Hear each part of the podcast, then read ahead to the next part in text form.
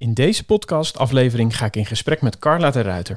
Carla is hoofdredacteur en initiatiefnemer van het Pioniers Magazine en auteur van het boek Pionierend Leiderschap. Een bevrijdend perspectief voor een wereld in transitie. We bespreken over pioniers, leiderschap en een veranderende wereld. Hoe krijg je nu zaken echt in beweging in een tijd waarin alles steeds complexer lijkt te worden en we vastlopen in systemen die niet meer voor ons werken? Change agents, mensen die vanuit hun baan of bedrijf de wereld een stukje mooier maken. Die zijn hard nodig om alle transities te realiseren. Het zijn koplopers, doorzetters en verbinders. Maar hoe doen ze dat eigenlijk? In de Change Agent podcast zet ik elke aflevering een andere change agent in de spotlight. Omdat hij of zij een podium verdient en om van te leren natuurlijk. Zodat jij ook verder kunt versnellen. Ik ben Matthijs Bobelijk, jouw host van deze show. En initiatiefnemer van de Change Agent Community. Je luistert naar de Change Agent podcast. Goedemiddag Carla. Goedemiddag Matthijs. Wat leuk dat jij in, uh, in deze podcast uh, jouw verhaal wil, wil vertellen aan de, de, change agents die luisteren. Ja, dankjewel ook voor de uitnodiging. Graag gedaan. Uh, ja, mis, misschien meteen maar met de deur in huis vallen. Ehm, de eerste vraag die ik altijd stel in deze change agent podcast is: waar verwonder jij je over? Als je de zin zou afmaken, het kan toch niet waar zijn dat? Hoe maak jij die af? Hmm, mooie vraag. Het kan toch niet waar zijn dat nog zoveel mensen hun kop niet boven het maaiveld uit durven steken, terwijl ze wel stille verlangens of idealen hebben van hoe de wereld er ook uit kan zien. Wauw. Dat is eigenlijk waar ik, nou ja, dat is waar ik voor sta. Ja. Uh, daar hoef je geen leider voor te zijn. Nee. Om voor je eigen idealen te staan. Ja. Iedereen heeft wel idealen of verlangens namelijk. Ja. En de titel van mijn boek, die je al even noemde, Pionier Mhm. het Leiderschap. Daarvan denken vaak mensen dat dat gaat over leiders. Maar in mijn boek beschrijf ik natuurlijk dat leiders, leiderschap is van iedereen. Ja. Dus juist voor die mensen die idealen hebben voor die andere wereld.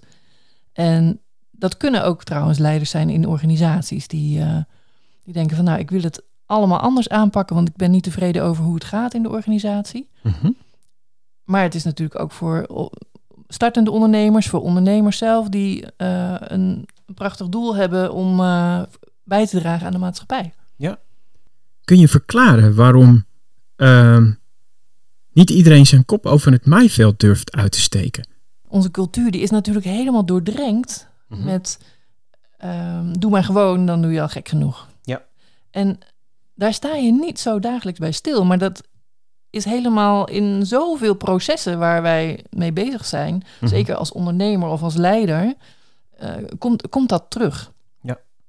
En als je bijvoorbeeld in een ander land bent, kom je dat namelijk niet tegen. Dat is echt iets heel Nederlands, mm -hmm. uh, heel ja, conservatief, Calvinistisch. Hè? Dat is gewoon onze cultuur. En wij passen ons zo aan aan onze omgeving dat we niet die kop boven het maaiveld uit durven steken.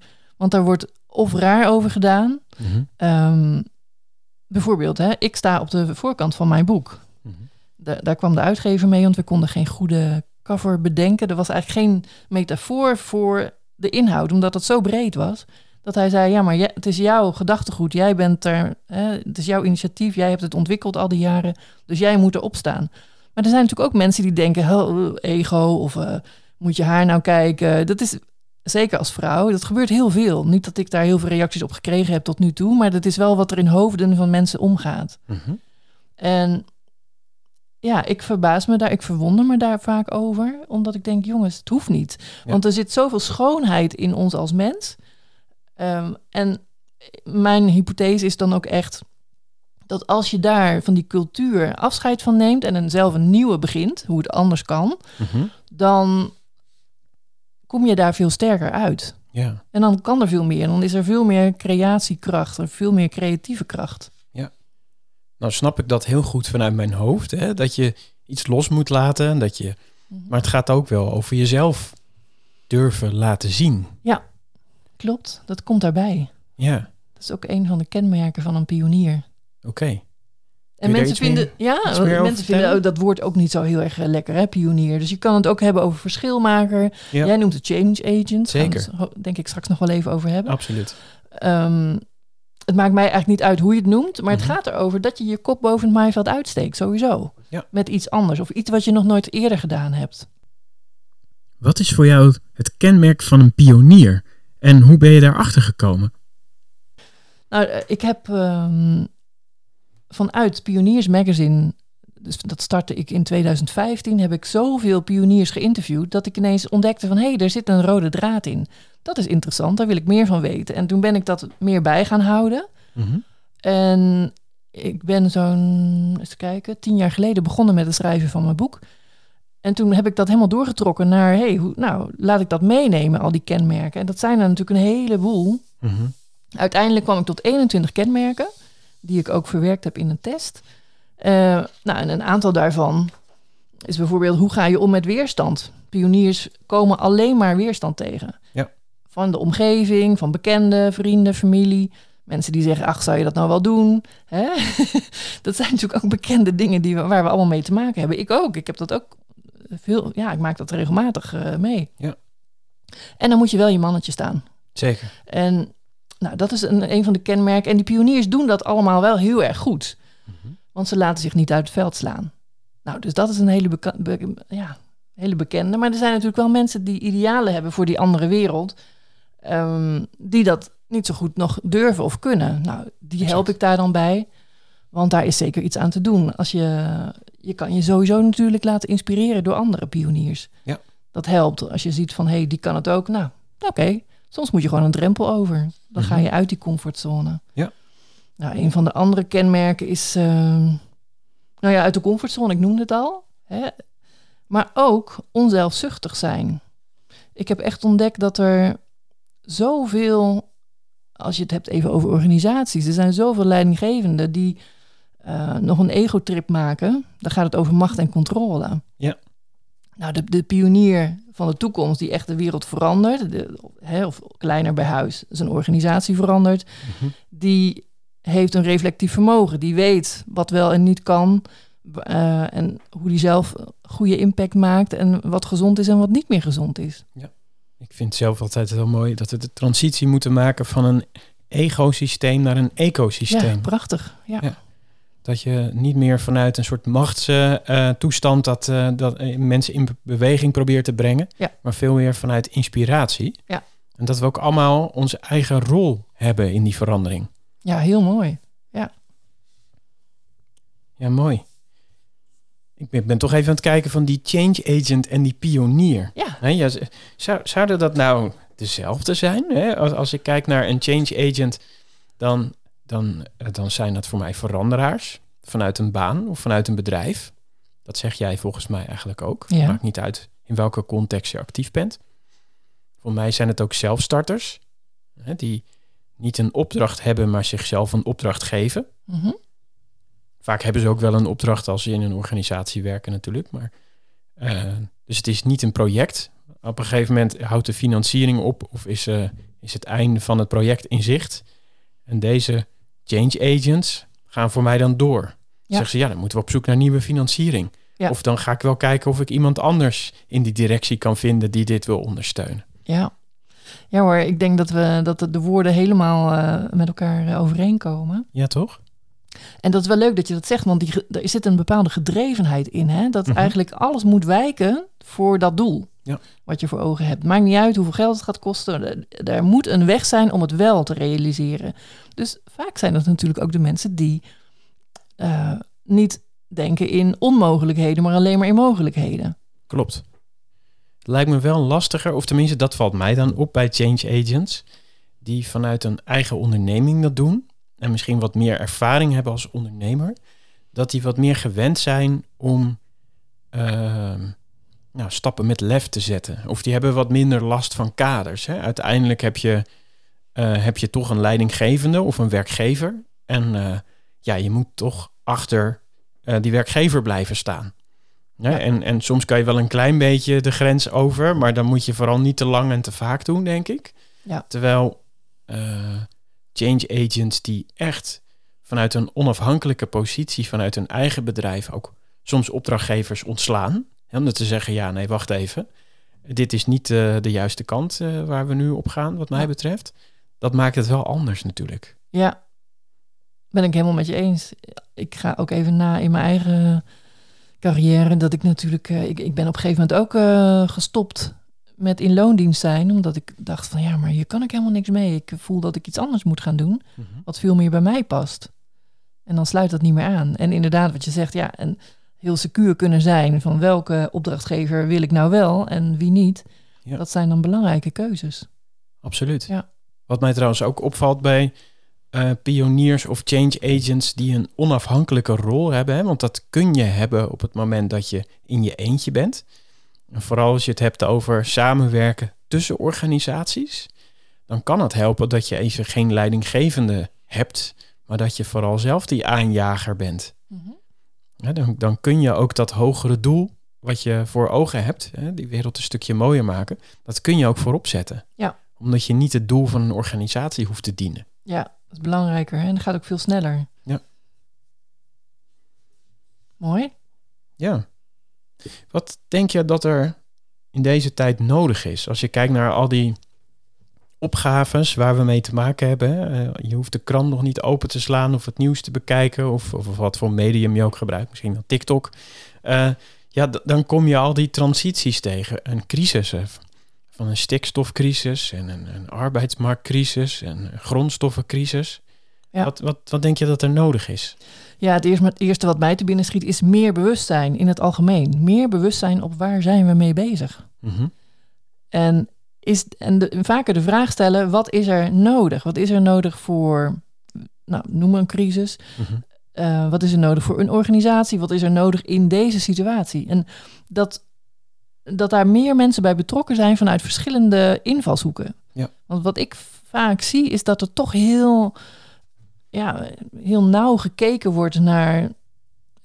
Nauw in de zin van eh, heel rigide gekeken wordt naar nou, hoe we een bepaalde crisis kunnen bezweren. Terwijl er heel veel goede, waanzinnige initiatieven zijn. Ja.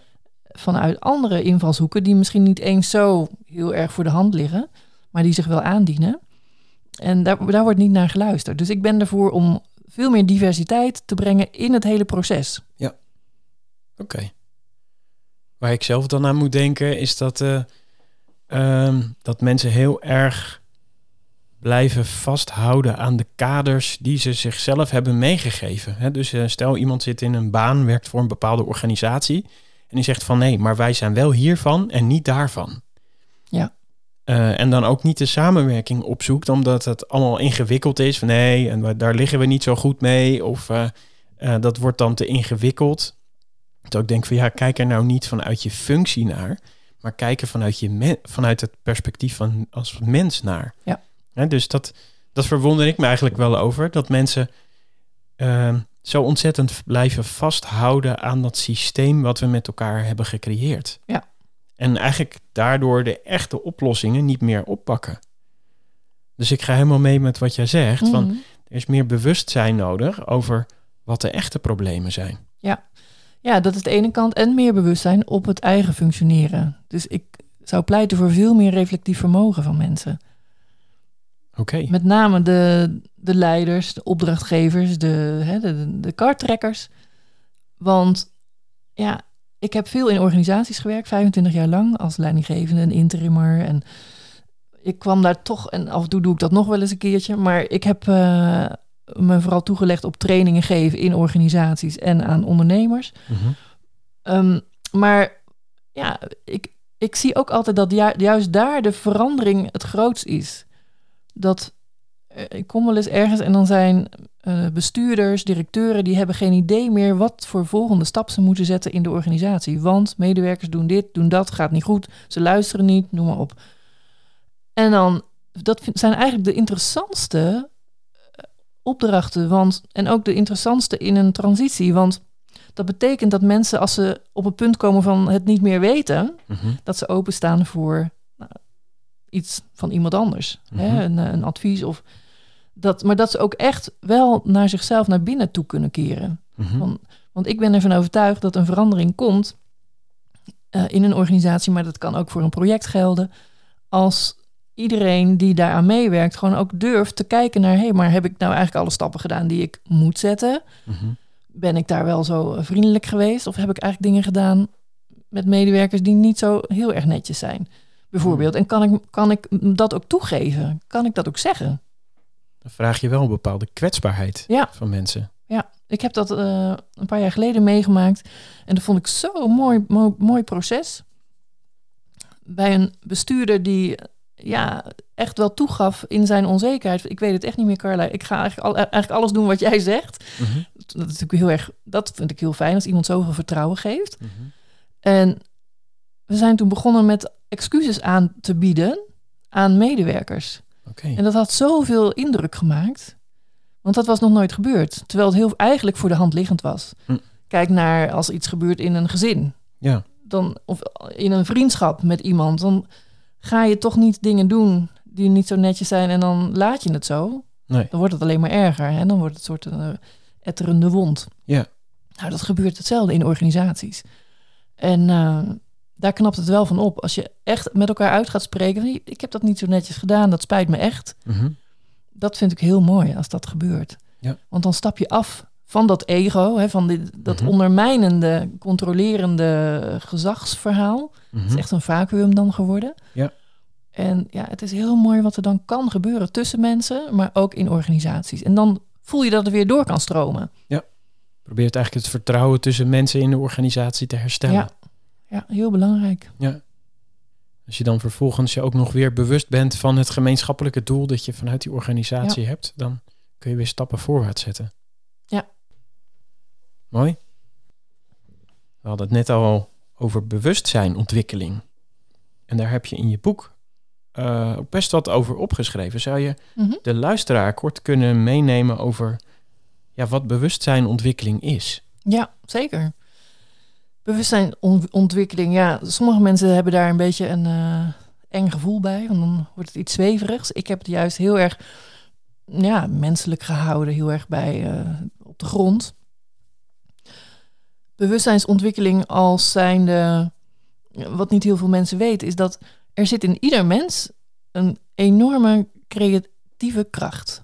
Mhm. En dat is een creatieve kracht die kennen wij eigenlijk al sinds de Big Bang, de evolutietheorie die gaat daarover. Hè? Want dat er iets door ons heen gaat, waardoor ja, mensen ontwikkelen, dieren ontwikkelen, eh, zaden ontspruiten. En hoe weet bijvoorbeeld een kastanje dat hij een kastanjeboom gaat worden? Hoe weet een mens dat hij uiteindelijk hetgeen wordt wat hij wordt?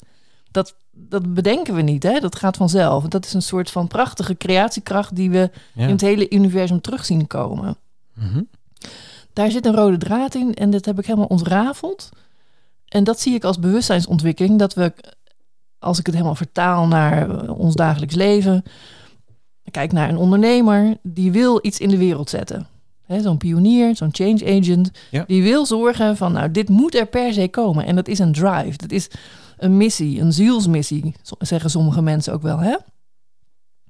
En dat is een zaadje wat ergens geplant is in ons. We weten vaak niet eens waarom, maar ineens weten we, ja, maar dit is wat ik moet gaan doen. En die kracht, dat is een soort ja, natuurkundige kracht, die is heel interessant. En die kun je dus opwekken in jezelf door je daar bewust van te worden. Dus als meer mensen zich bewust worden van, hé, hey, wacht eens eventjes, dit is wat er sowieso door mij heen gaat, Ja. dat is de creatiekracht, dan kan je bergen verzetten.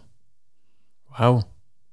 Mooi hè? Ja, dan wordt als je dan naar een organisatie kijkt of naar een samenleving, wordt het heel anders. Hè? Wordt heel Het anders. gaat nog veel verder dan talenten. Mensen hebben talenten, maar Ja. als iedereen een bepaalde creatieve kracht in zich heeft, die die in kan zetten om een steentje bij te dragen Ja. aan het grotere geheel. Ja, dat is heel, heel boeiend. Ja. We, en we vergeten vaak dat we dat eh, in ons hebben zitten. Mhm. Een heel simpel voorbeeld. Vrouwen die kinderen krijgen, die weten wat het is om eh, iets, hè, iets, ja, iets levens te baren. Mhm. Mhm. Ik heb zelf, eh, vroeger wilde ik acht kinderen.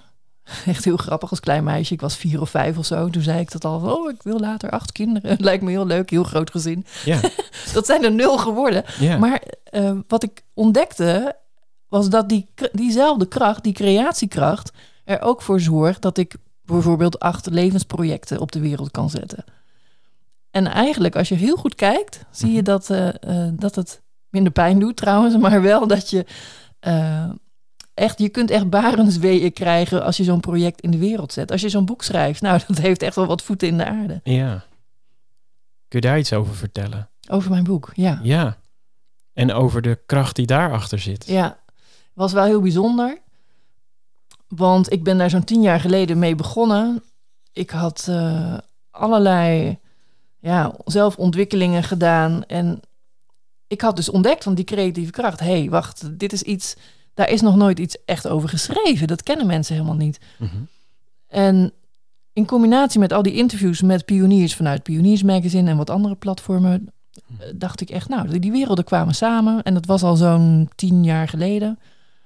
Maar toen was niemand bezig met veranderen. Van waarom zou het nodig zijn? Dus ik, was, ik had eigenlijk al heel snel een, een uitgever die zei, nou, dat wil ik uitgeven, want dat is nieuw. Mhm. Daar was geen twijfel over mogelijk. Toen ik alleen nog maar een A4'tje had met wat ik ging doen, wat ik wilde schrijven. Mooi. Ja, dat was heel bijzonder. Echt zo van die schijnbaar toevalligheden. Hè? Dat heet synchroniciteit. Dat er ineens van alles lukt dan. Hè? Mhm. Dat, moet, dan zeggen we dat moet zo zijn. Maar er zit ook weer een soort wetmatigheid achter. Dat gebeurde toen. En, maar op een of andere manier, ik kwam niet verder met dat boek. Ik had één hoofdstukje geschreven uiteindelijk. En ik weet nog heel goed dat ik dacht, nou weet je wat, ik ga me opsluiten in een vakantiehuisje. En dan maak ik dat, eh ja, dan ga ik een heel eind opschieten met dat boek. Maar dat lukte helemaal niet. En elke keer als ik ook maar mijn laptop open deed, kreeg ik enorme pijn in mijn arm. En dan eh, kon ik gewoon niet schrijven. Er gebeurde dus niks. En tegelijkertijd waren er mensen in mijn omgeving die zeiden van... ja, pff, nou, eh, hoezo schrijf je iets over pionierend leiderschap? Ja. Er zit niemand op te wachten. En dat was een beetje ook die tendens. Het woord pionieren was toen al helemaal uit de boze. En toen heb ik het... Ja, er kwam geen inspiratie. Ik heb echt jarenlang geen inspiratie gehad en ik ben daarmee gestopt. Die uitgever ging toen ook weg bij de partij waar hij toen werkte. Dus ik dacht, nou ja, het, het is wat het is. Dan Mhm. heb ik daar ook geen verplichtingen meer. En, eh, maar goed, dat is dan wel zo. Als zo'n zaadje geplant is, dat blijft ergens hangen. Ja.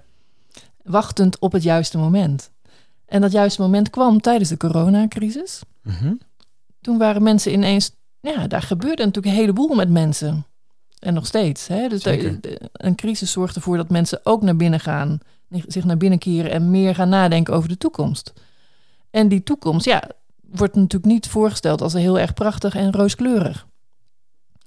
En nou, er komen zorgen. Je ziet in de economie van alles gebeuren waar we ook allemaal niet helemaal juichend eh, over eh, zijn. En toen dacht ik, dit is het moment. En toen ben ik weer gaan schrijven. Ik zocht die betreffende uitgever op en die zei meteen... Nou, natuurlijk, hij had weer inmiddels een andere uitgeverij, Hard Media. Eh, ja, ik ga het boek weer uitgeven. En zo is dat in februari vorig jaar is dat eh, weer verder gegaan. En toen had ik een half jaar om het boek te schrijven. En dat is toen gelukt, in één keer. Gewoon, Geweldig. ja, heel bijzonder. En dat is, ja, dat, maar wel met, eh, niet alsof het heel erg makkelijk is, maar ik had nu de gelegenheid zelf ook om daar in alle rust gewoon aan te schrijven. Ja. En dat helpt, hè, want je moet daar gewoon heel veel zelf ook naar binnen keren en rust hebben om dat te kunnen doen. Mhm. Zeker. Dus het is een heel dik eh, verhaal geworden van 300, Ja, het is een prachtig boek. 370, 75 eh, pagina's. Nou heb je al eerder verteld dat je ook Pioniers Magazine hebt. Ja. Eh, gaat ook over verhalen, eh, over schrijven. Ja. Kun je iets meer over Pioniers Magazine vertellen? Ja, over de, hoe het ontstaan is. Ja? Ja, dat was ook in die tijd dat ik bezig was met pionierend leiderschap. Toen verwonderde ik me vooral over dat er zo weinig vrouwen bezig waren in politiek, in economie. Het waren allemaal een beetje ja, in de zorg of parttime werken. Daar is nu trouwens ook weer een hele discussie over. Van moeten we weer niet meer gaan werken? Ja. Maar niet vanuit we moeten zo nodig, maar vanuit die vrouwen hebben ook, hè, wij vrouwen hebben ook verlangens van hoe de wereld voor onze kinderen er bijvoorbeeld uit kan gaan zien. Maar die stem wordt nergens gehoord. Minder dan die van de mannen. Mhm. Dus waarom laten we ons niet horen? Waar zijn die vrouwelijke pioniers gebleven? Vroeg ik me echt af. Ja. En ik dacht, nou ja, goed, dan ga ik daar eens naar kijken. Maar ik wilde vooral mijn verhaal over pionierend leiderschap in de media krijgen. En dat lukte onvoldoende, want dat was voor die tijd ook weer heel pionierend. Ja. En eh, op een gegeven moment had dat een, eh, een soort eh, piek in het, in het verhaal dat ik in Hilversum eh, bij een aantal, hoe noem je dat, bij Hilversum in het Mediapark, bij wat eindredacteuren van programma's was. En toen was er eentje waar ik mee in gesprek raakte, een eindredacteur, en van een actualiteitenprogramma. En, maar ik had dat helemaal, dat hele programma nog nooit gezien. Dus ik stond een soort van, ga ik dat zeggen? En ik dacht, ja, ik ga dat zeggen. Mhm. Dus ik begon zo. Nou ja, in alle eerlijkheid zeg ik u wel, ik heb uw programma echt nog nooit gezien. En die man die keek me echt aan van, huh? Hoe kan dat? Dus hij zei, oh, dan ben je zeker eh, druk met de kinderen. dus ik zei, nou, die heb ik niet. Ja. En, oh, verbazende blikken. Oh, maar dan ben je zeker druk met, eh, met, je, met je man. Nou, die heb ik ook niet.